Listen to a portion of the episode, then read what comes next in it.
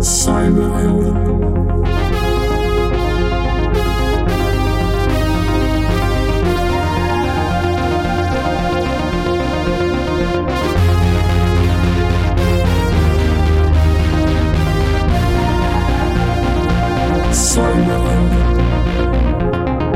Welkom bij weer een nieuwe aflevering van Cyberhelden, de podcast waarin ik in gesprek ga met een gast die zich bezighoudt met de digitale dreiging.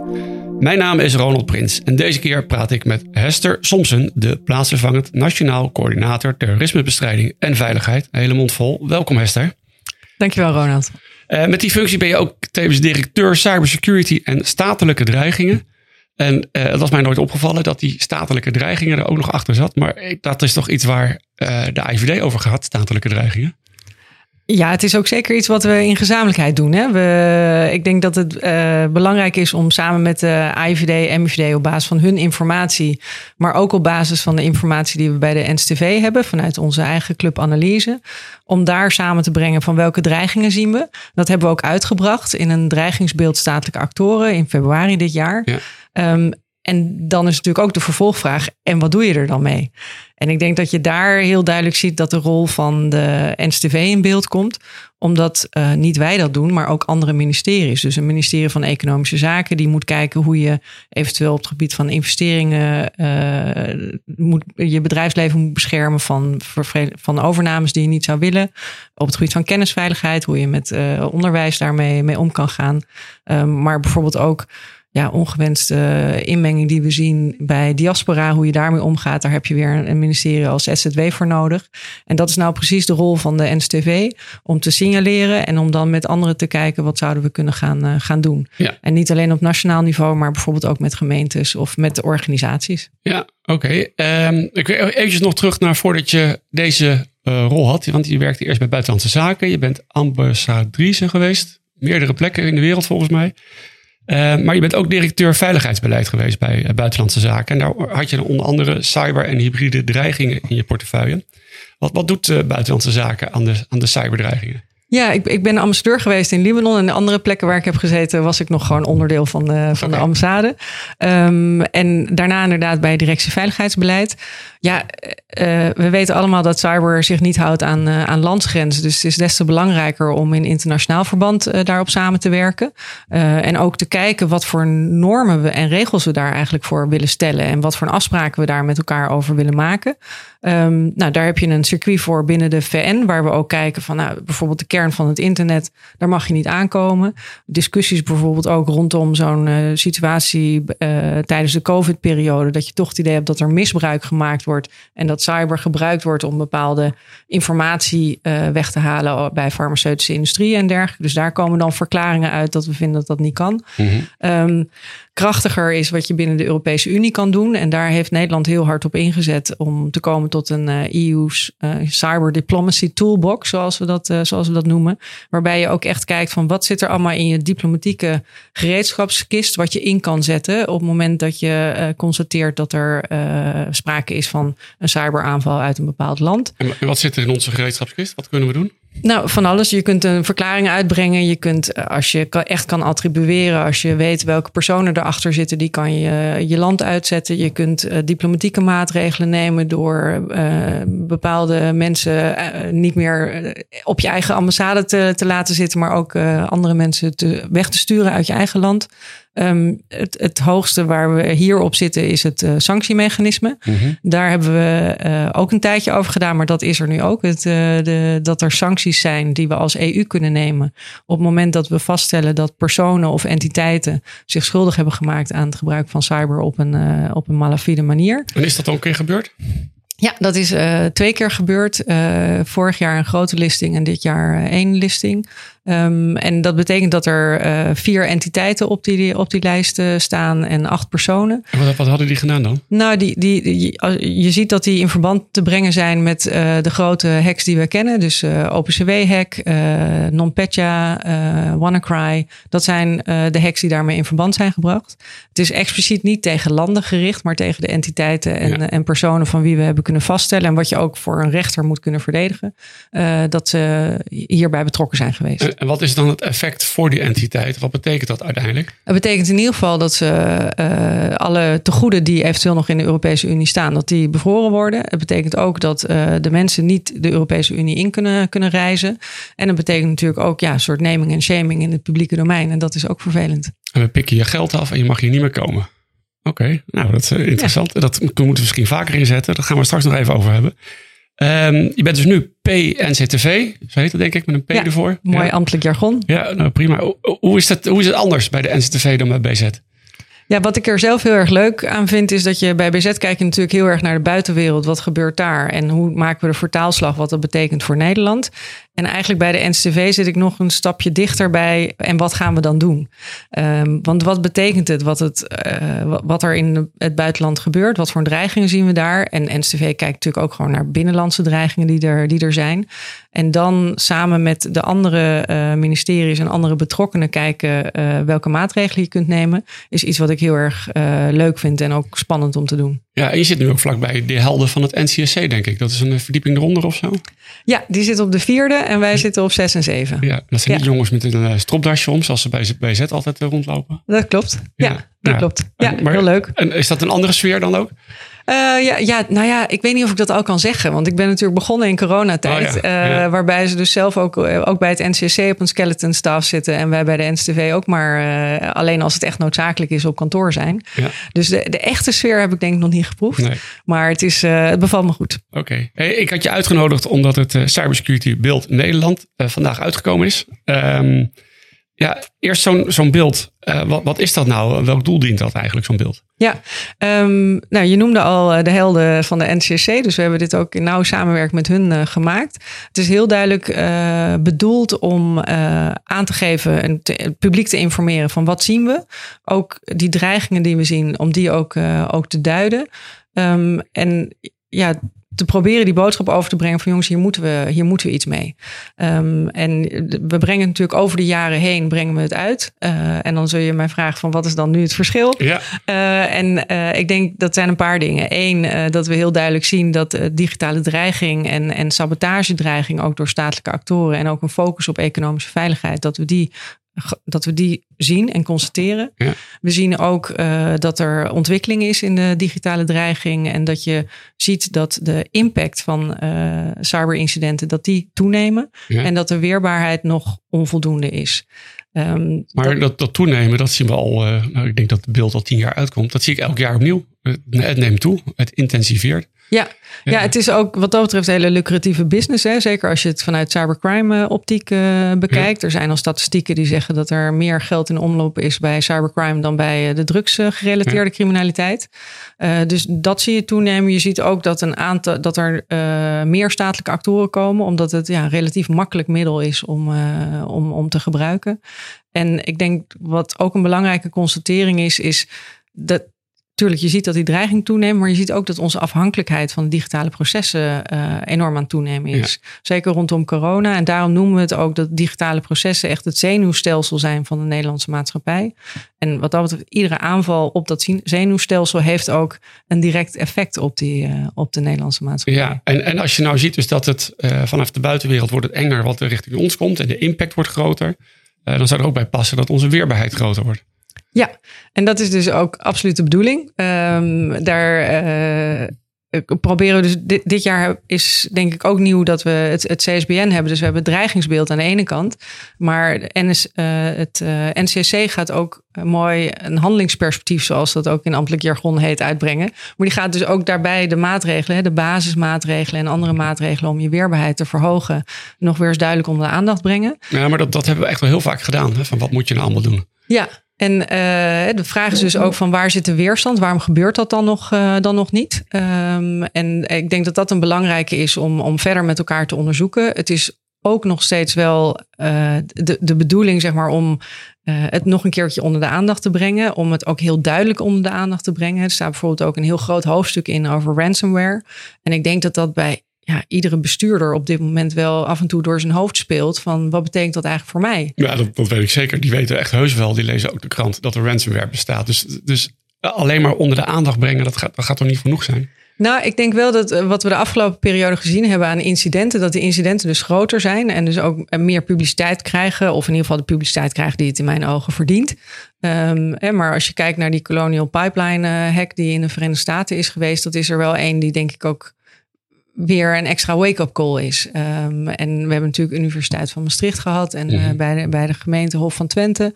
En, en zo zie, zie je het toenemen. En ik weet er nog 80 uh, afgelopen jaar uh, die, die dan niet publiek zijn. Ja, ja, precies. Nee, dat, dat is ook zo. Er staat wat dat betreft in het CSBN ook een ontluisterend rijtje van voorbeelden die wel publiek zijn. om toch nog weer eens even te kijken. Dit is er gebeurd het afgelopen, het afgelopen jaar. Nou, ik denk die focus op ransomware is belangrijk. En ik denk dat het ook heel erg gaat. Want een van de constateringen is, uh, je ziet dat de grotere bedrijven uh, wel redelijk goed in staat zijn en die weerbaarheid al redelijk op orde hebben. En dat het voor uh, andere bedrijven niet geldt. En dat die kloof eigenlijk groter wordt. En dat is er ook wel één om ons zorgen over te maken. deels omdat je zit met allerlei relaties tussen die bedrijven. Hè. De, de een kan de toeleverancier van de ander zijn. En daardoor kan daar kwetsbaarheden opkomen. Maar ook gewoon de, de, die bedrijven aan zich.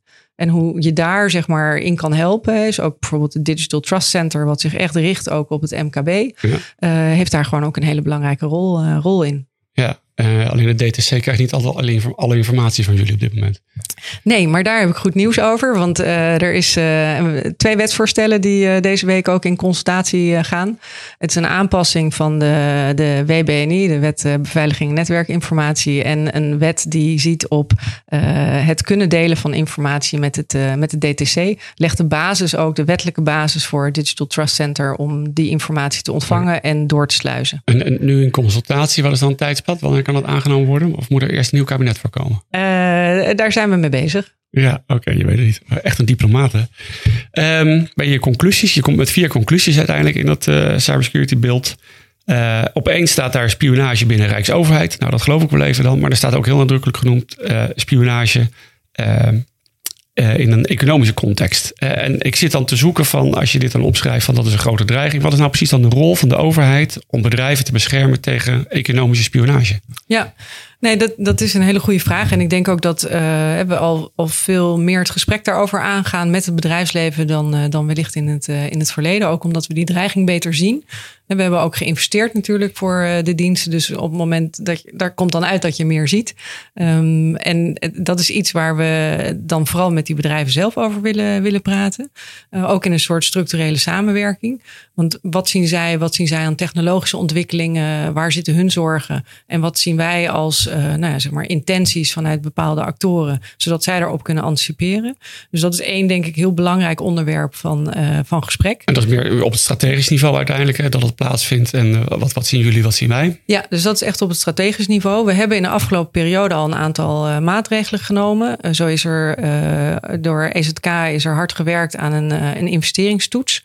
Uh, op het gebied van nationale veiligheid. Dus bij investeringen en eventuele fusies en overnames, wat zouden de consequenties daarvan kunnen zijn voor de nationale veiligheid? En betekent dus ook dat zowel die bedrijven als de investeerder dat moeten melden als ze een dergelijke investering mhm. willen gaan doen. Dus dan kan je daar de check, eh, de check op, uh, op doen. Dat is een belangrijke. Maar dat is vooral iets waar bedrijven eerder last van hebben dan dat ze dat als hulp zullen ervaren.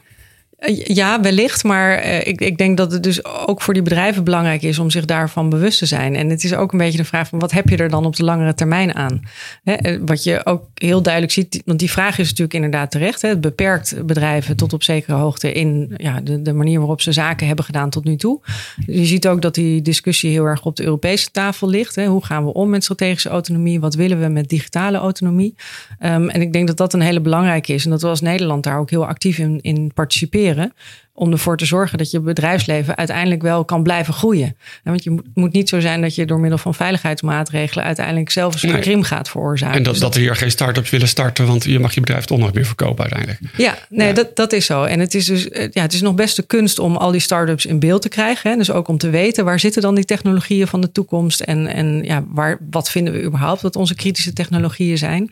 En dat zijn allemaal processen die in gang zijn gezet, waar we naar kijken, ook waar we TNO en anderen bij, uh, bij betrekken om daar een goed beeld van te krijgen. En dus ook die discussie op de Europese tafel. En dat gaat dan bijvoorbeeld ook over een Europese cloud en dat soort zaken. Ja, maar oké, een Europese cloud helpt misschien een beetje. Maar ehm, ik ben eigenlijk nog vooral op zoek naar die, naar die rol van de overheid, waar het gaat om ja, het tegengaan dat bij onze zaadveredelaars de Chinezen naar binnen gaan, of bij de semiconductors, of in de offshore, of in de maritieme sector. daar hebben ontzettend veel bedrijven nu last van dat er alles wat zij uitvinden gestolen wordt. Um, natuurlijk kunnen ze zelf proberen hun eigen muurtjes wat op te trekken. En daar helpen wij als cybersecurity bedrijven ook mee. Uh, maar ik zie landen om ons heen ook echt hun inlichtingendiensten inzetten om veel beter in kaart te brengen. Wie zijn dat nou precies? Waar, waar zitten ze achteraan? En ook die bedrijven nog eerder te laten signaleren van dat er wat aan de hand is.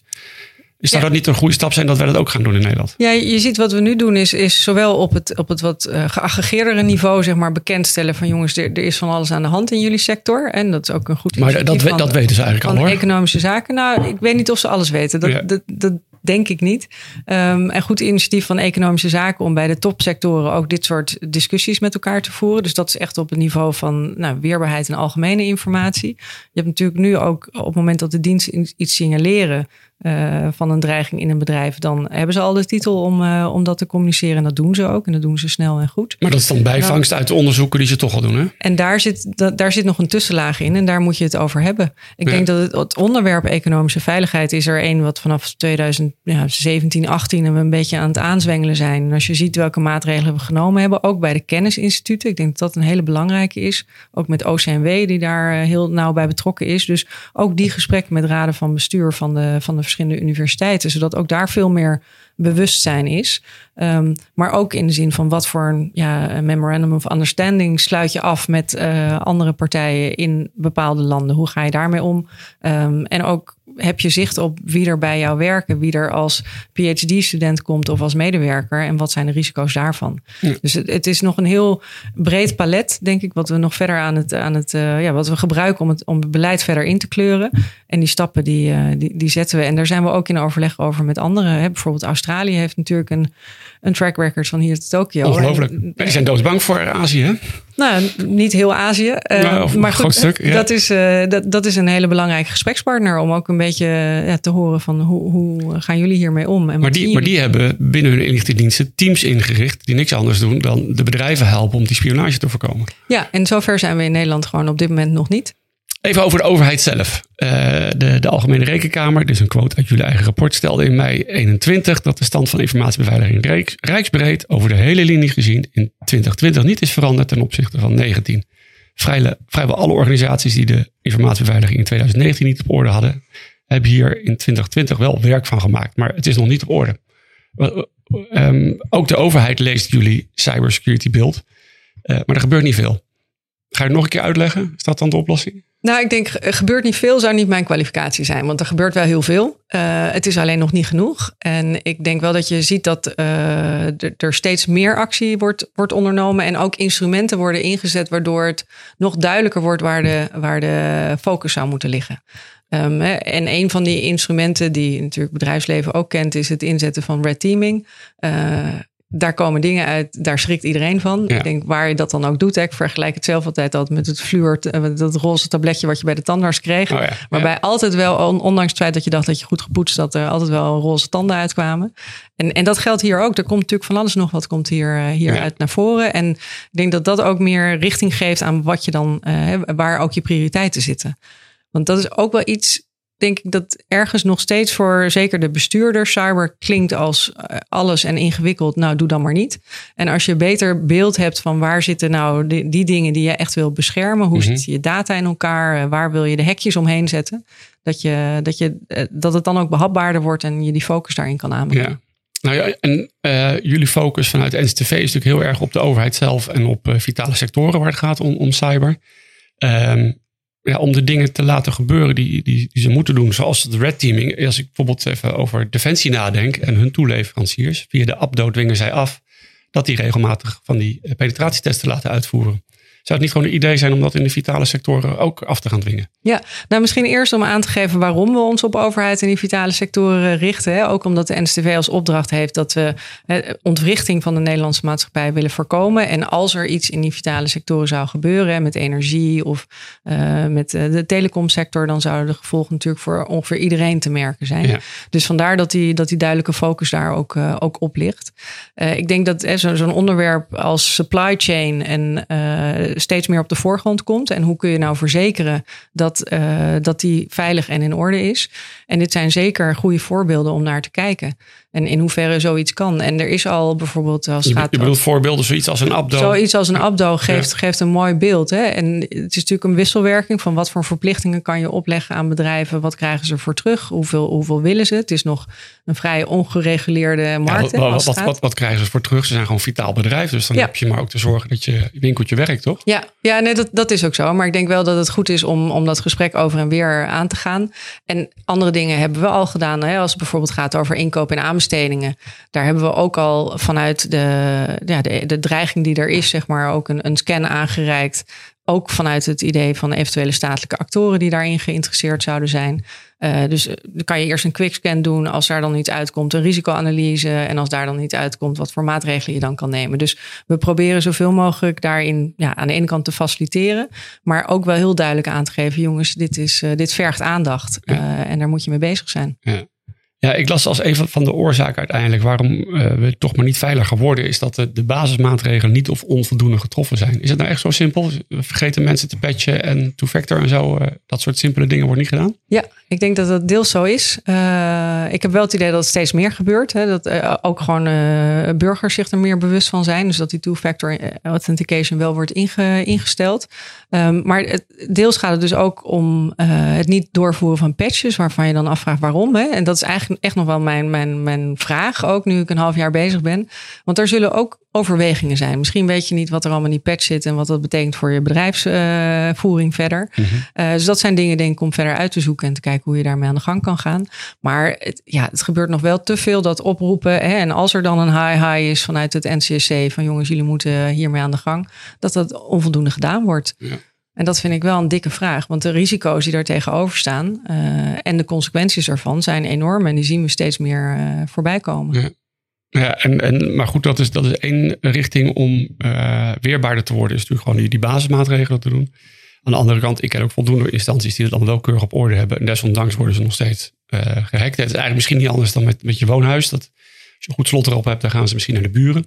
En in ons geval gaan ze misschien naar uh, een ander bedrijf uh, als het om cyberaanvallen gaat. Uh, maar uiteindelijk wordt er in jouw woonhuis niet ingebroken, omdat we gewoon een, een, een, goed systeem hebben op straat. Dat als je, ja, jouw alarm gaat misschien af, een meldkamer kan bellen. Of de buurvrouw ziet dat er iemand met een bakstenen door je ruit aan het gooien is. Die belt 1 en 2 en dan komt de politie en dan krijg je hulp. En volgens mij is dat eigenlijk de, de primaire reden waarom inbrekers niet inbreken. En um, zouden ook niet wat meer moeten doen uiteindelijk om gewoon die daders het leven veel moeilijker te maken. Ja, ik denk zeker dat, uh, dat, dat daar ook veel meer inspanning op uh, gepleegd moet worden. Hè. Dat, dat begint natuurlijk met, met politie en OM, maar eigenlijk begint het al bij aangifte. En we zien toch dat de aangiftebereidheid heel laag is uh, bij bedrijven, ook bij, bij burgers. Uh, dus ook, ook dat is de moeite waard om uit te pluizen. Waarom is dat zo? Heeft dat te maken met reputatiestraden? Is het ingewikkeld om aangifte te doen? Of, of verwachten ze toch niks van de politie? Of ja, en, en, en daar, daar moet je, dus in dat verwachtingspatroon moet je kijken waar je zit. Ik denk dat uh, als je ziet wat Team High Tech Crime al, al doet, zeg maar, is, is enorm veel. OM ja. heeft ook, uh, ook goede stappen daarin gezet. Er is ook een taskforce op het gebied van ransomware bij de politie ingericht. Um, en daar zitten ook allerlei vraagstukken die daar nog omheen zijn. Hè. Wat vind je eigenlijk van bitcoins? De, de, de manier waarop uitbetaald wordt als het gaat om ransomware, zou je, kan je daar wat meer aan doen? Het vergt eigenlijk allemaal internationale samenwerking. Ja. En dat maakt het ook gewoon lastiger en, en ja, minder daadkrachtig dan je misschien zou willen. Dus dat is er denk ik echt wel één om mee, uh, mee aan de gang te gaan en zijn en blijven. Want het is natuurlijk al dat er ook in Europees verband gekeken wordt van hoe kan je makkelijker bij elkaar uh, uh, je, je, rechtshandhaving uitvoeren. Um, maar binnen de Europese Unie is één ding. En daarnaast heb je natuurlijk ook uh, nou, uh, in Rusland of, of elders waar hackerscollectieven zitten. Ja. Uh, en daar wil je ook wat aan doen. Nou, dat hebben we gezien in het gesprek tussen Poetin en Biden, dat hij dat hoog op de agenda heeft gezet. Ja, en dan uiteindelijk gaan ze straks misschien niet meer Amerika aanvallen, maar dan komen ze hier in Europa terecht. Dan krijgen wij alleen maar extra last van. Ja, ik, ik weet niet of dat zo is. Hè? Want het is, uh, ik, ik denk dat het heel goed is om die norm te stellen. We hebben Biden horen zeggen dat hij vindt dat er in ieder geval 16 sectoren zijn waar je sowieso niet aan mag komen.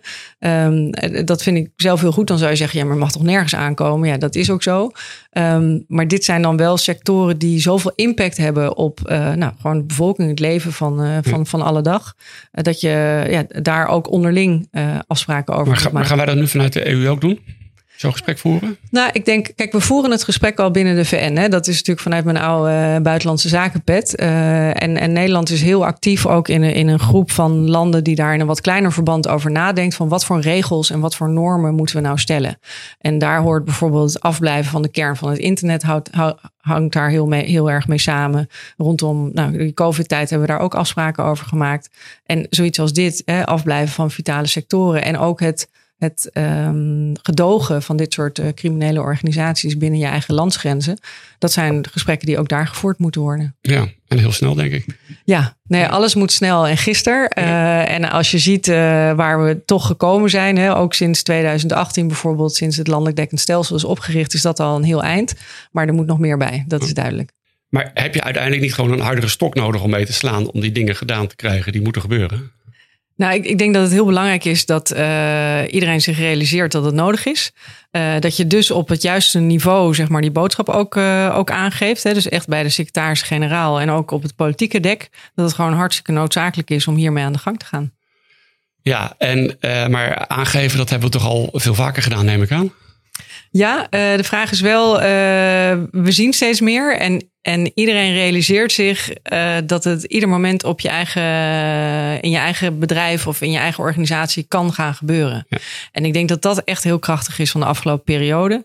Uh, misschien om het, het, bruggetje te maken, hè, we, je moet ook veel oefenen en trainen. Ja. We hebben recent hebben we een hele grote cyberoefening gedaan, Isidor. Uh, daar hebben meer dan 90 organisaties aan deelgenomen en meer dan 1500 tot 2000 personen. En ik denk dat er zoveel aan deel hebben genomen, ook omdat iedereen zich realiseert, het on your doorstep. Het oh, wat, is, wat is de waarde van zo'n oefening dan? Dat, nou, je, dat je ziet hoeveel ellende uh, cyberramp kan veroorzaken? Nou, dat je een beetje ziet uh, wat er eventueel allemaal tegelijkertijd zou kunnen gebeuren. Uh, dat je ook ziet dat het bij cyberincidenten heel moeilijk is vast te stellen, heel snel. Wat is er nou precies aan de hand? Zijn het alleen nog maar phishing mails? Wordt er ook daadwerkelijk data-extractie gedaan? Is er sprake van sabotage? Het is heel moeilijk om dat beeld op te bouwen. Ja. En toch wordt er op dat moment al van alles van bestuurders verwacht en van andere mensen van doe er wat aan. Ja. Want het is natuurlijk trending op Twitter en, en dat soort dingen. Dus daar moet je mee aan de, aan de gang. Dus het is een en, training voor bestuurders. Hoe moet ik omgaan met een nou, het mooie, aanval? het mooie aan deze training was dat het niet alleen voor bestuurders was, maar dat er ook gewoon een hele duidelijke technische component aan zat. Dus het gebeurde ook echt. Oh in de oefenomgeving, maar het gebeurde ook echt. Dus wat dat betreft was het ook uh, bij iedereen zweet op het voorhoofd van wat, wat gebeurt hier en hoe moeten we er verder mee, uh, mee aan de gang. Um, en nou, deels in de vitale sectoren, deels in andere sectoren, deels bij de overheid, deels bij een gemeente. En dat zijn natuurlijk wel zaken die ook in het echt voor kunnen komen. En waarvan het belangrijk is, denk ik, om het te oefenen, zodat je uh, een beetje een gevoel kan krijgen. Jeetje, wat kan er allemaal gebeuren? Maar met name ook om dan te kijken van ja, werken mijn crisisplannen die ik heb, werken die wel? Weet ik wie ik moet hebben? Uh, aan wie moet ik uh, hulp vragen op welk moment? Bij wie moet ik melden dat er iets aan de hand is bij mij? In welk stadium wil ik dat melden? Dus dat soort zaken waren voor mij allemaal hele belangrijke lessen uit zo'n uit zo'n oefening. Ja. Um, ja, ik vond ook terug in, de, in het cyberbeeld van dit jaar. Um, zeg maar een beetje een, soort opmerking over waarom dan alles maar nu zo slecht gaat. Of dat er veel incidenten geweest zijn. Want jullie sommen er nogal wat op. En eigenlijk kan ik maar één conclusie vinden, wat, wat de basis is. Dat zijn dat de basismaatregelen niet of uh, onvoldoende getroffen zijn. En is dat nou echt het probleem? Moeten we gewoon alleen maar simpele dingen doen als wat patchen en two-factor aanzetten? Als we dat allemaal doen, zijn we dan opeens veilig? Het zou heel veel schelen als we het zouden doen. En mijn vraag zit ook eigenlijk al sinds ik ben begonnen van waar zit de weerstand uh, om dat te doen? Ja. Uh, en zijn dat, zijn dat technische overwegingen om het niet te doen? Hè? Ben je bang dat als je een patch uitvoert dat dan de rest van je systeem ook plat ligt? Um, waarom die two-factor authentication niet? Hè? Dat, dat doen steeds meer mensen gelukkig. Maar dat is echt de simpelste manier om jezelf te, om jezelf te beschermen, ook als burger. Ja. Uh, met, met de backups. Want waar heb je je backup staan? Hebben ze een link? Zitten ze in de cloud of niet? Uh, die, die mooie regel dat je uh, drie backups moet hebben op twee verschillende plekken. En dan het liefst ook nog eentje standalone. Dus dat soort dingen, ja, we, we doen het blijkbaar niet. Ja. en dat betekent denk ik dat je die discussie veel, op een veel hoger niveau moet trekken. Om aan te geven wat de risico's zijn aan de ene kant als je het niet doet. Um, en uh, wat, de, wat de kosten ook van uh, de eventuele de te nemen risico's zijn. En dat je dan dus beter juist wel die, die weerbaarheidsmaatregelen kan nemen. Ja. En ja, je noemt nu even kosten. En dan moet ik gelijk denken aan een ander stukje. Want jullie schrijven ook, we moeten ook voor zorgen dat voor de, voor de daders het ook duurder wordt ja. om uiteindelijk de aanvallen te doen. Hè. Die maken ook gewoon een afweging van uh, ga ik aanvallen of niet. En ten dele is dan natuurlijk als je zegt, als je maar die basismaatregelen neemt, dan gaan ze wel op zoek naar een ander bedrijf waar ze bijvoorbeeld hun ransomware los kunnen laten. Uh, die dat niet zo goed heeft dichtgedaan. Ja. Zo werkt dat met je, je huis ook. Hè. Je bent eigenlijk alleen maar de inbreker naar de buren aan het sturen met je preventieve maatregelen. Ja. Um, maar um, ik ken heel veel uh, dat zijn dan vaak ook klanten van ons. Of, uh, of ik ken voldoende bedrijven die het echt allemaal wel netjes op orde hebben. En desondanks zie je nog steeds wel dat die aanvallen plaatsvinden. En net als met onze woonhuizen. ons huis wordt niet elke dag ingebroken. Ja, ten dele omdat er goed slot op zit en dat we misschien iets dikkere ramen hebben.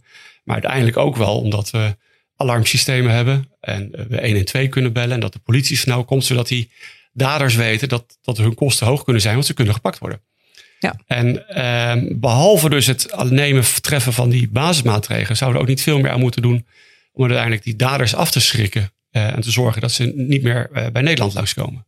Ja, het, het, is heel, wat dat betreft is het moeilijk. Hè? Dat, dat, dat zie je ook als het gaat over opsporing.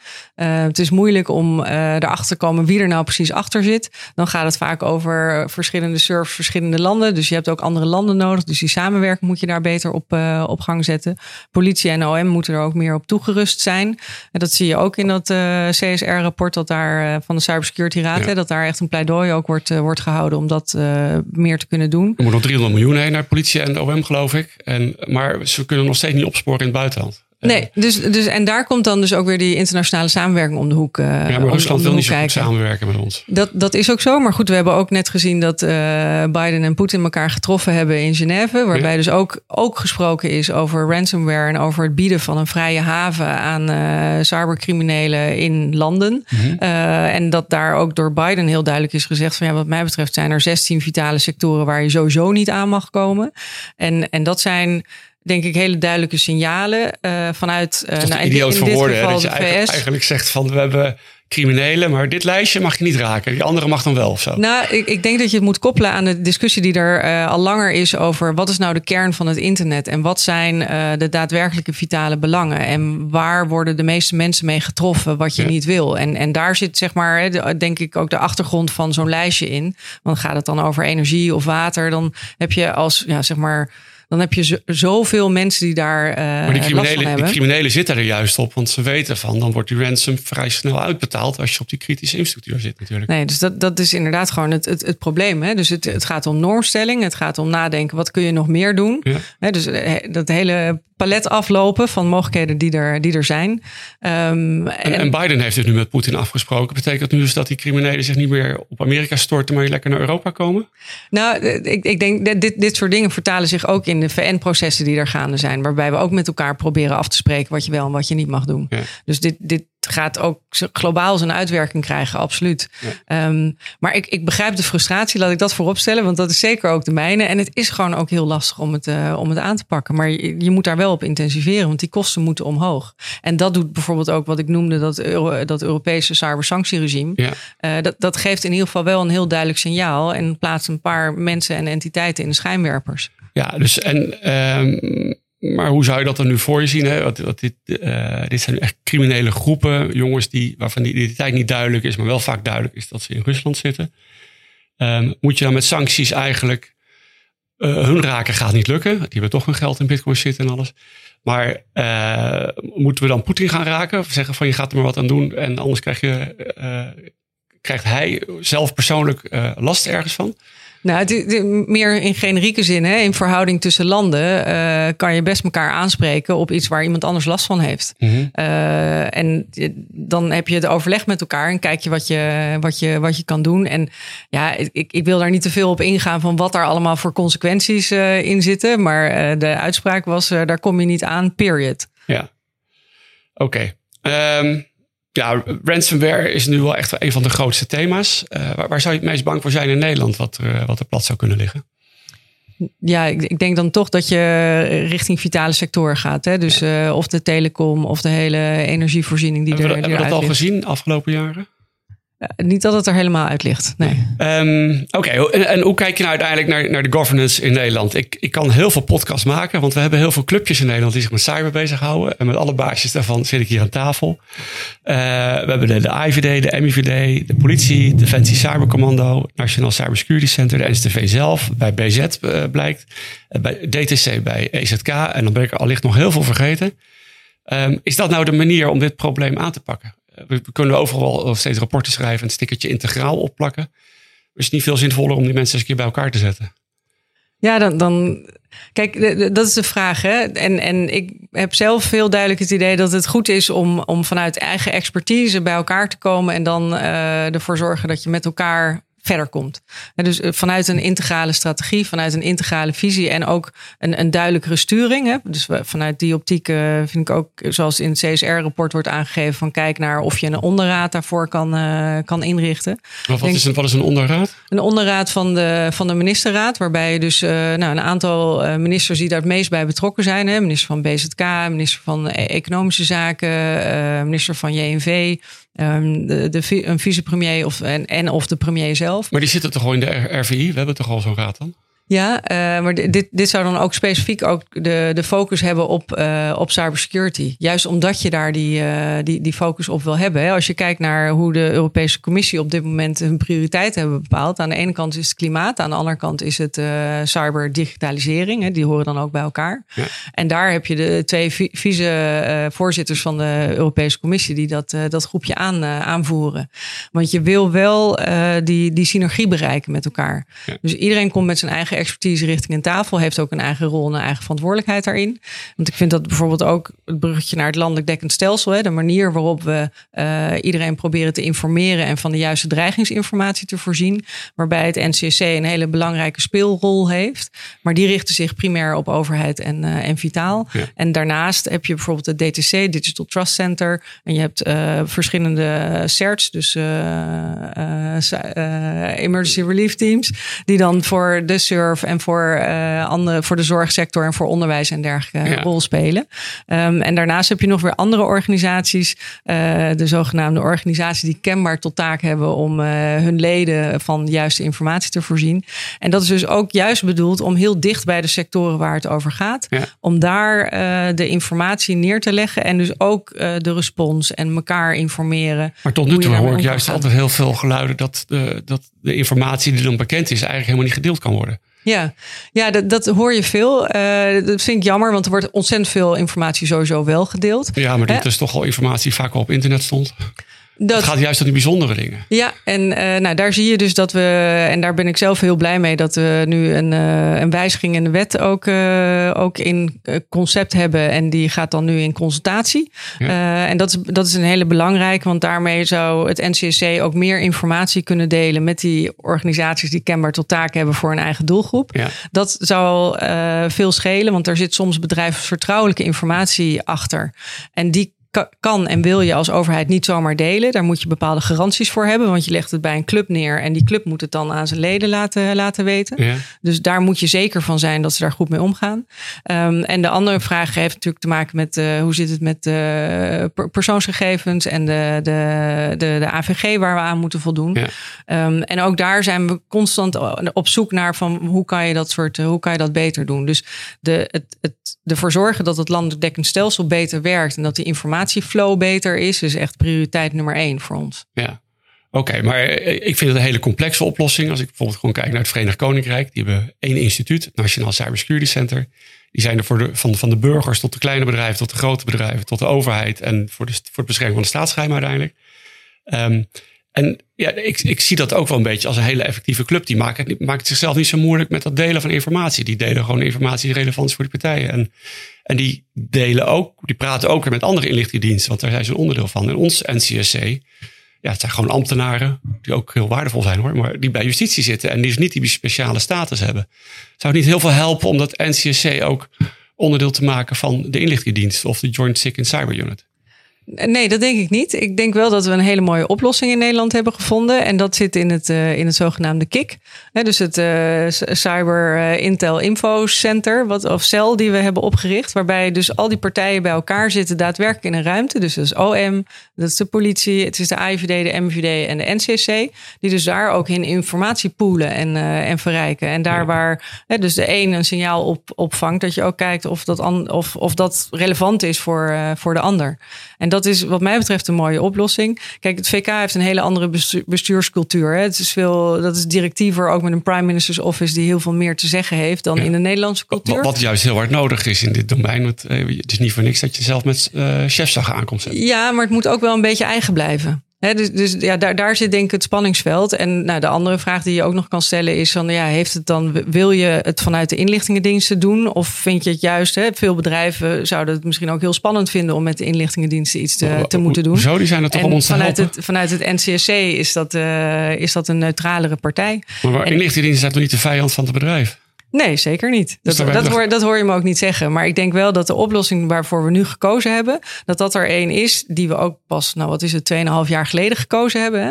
Dus het gaat ook, het, ongeduld is groot in de sector en dat begrijp ik heel goed. Want uh, ja, de, de, de dreiging is ook groot. Dat rapporteren we zelf in onze CSBN's. Maar het, het is een stelsel in, in ontwikkeling waarbij uiteindelijk, denk ik, iedereen ook meer zijn eigen verantwoordelijkheid kan nemen. En wat ik er heel mooi aan vind, is dat je ziet dat uh, via de verschillende uh, verenigingen, uh, information sharing en analysis centra-achtig iets. Dat dus ook de grote bedrijven, kleinere bedrijven in hun eigen ecosysteem helpen. En ik denk dat dat ook heel belangrijk is. Ja, en um, oké. Ik denk dat we daarmee gaan afsluiten. Dat is goed. Dankjewel, Hester Somsen, de plaatsvervangend NCTV. Heel veel dank voor dit gesprek. Elke donderdag kan je naar een nieuwe aflevering van Cyberhelden luisteren. Mijn gesprekken met de Cyberhelden kan je terugluisteren via Spotify en de podcast-apps van Apple en Google en via de website cyberhelden.nl. Veel dank weer voor het luisteren en graag tot volgende week.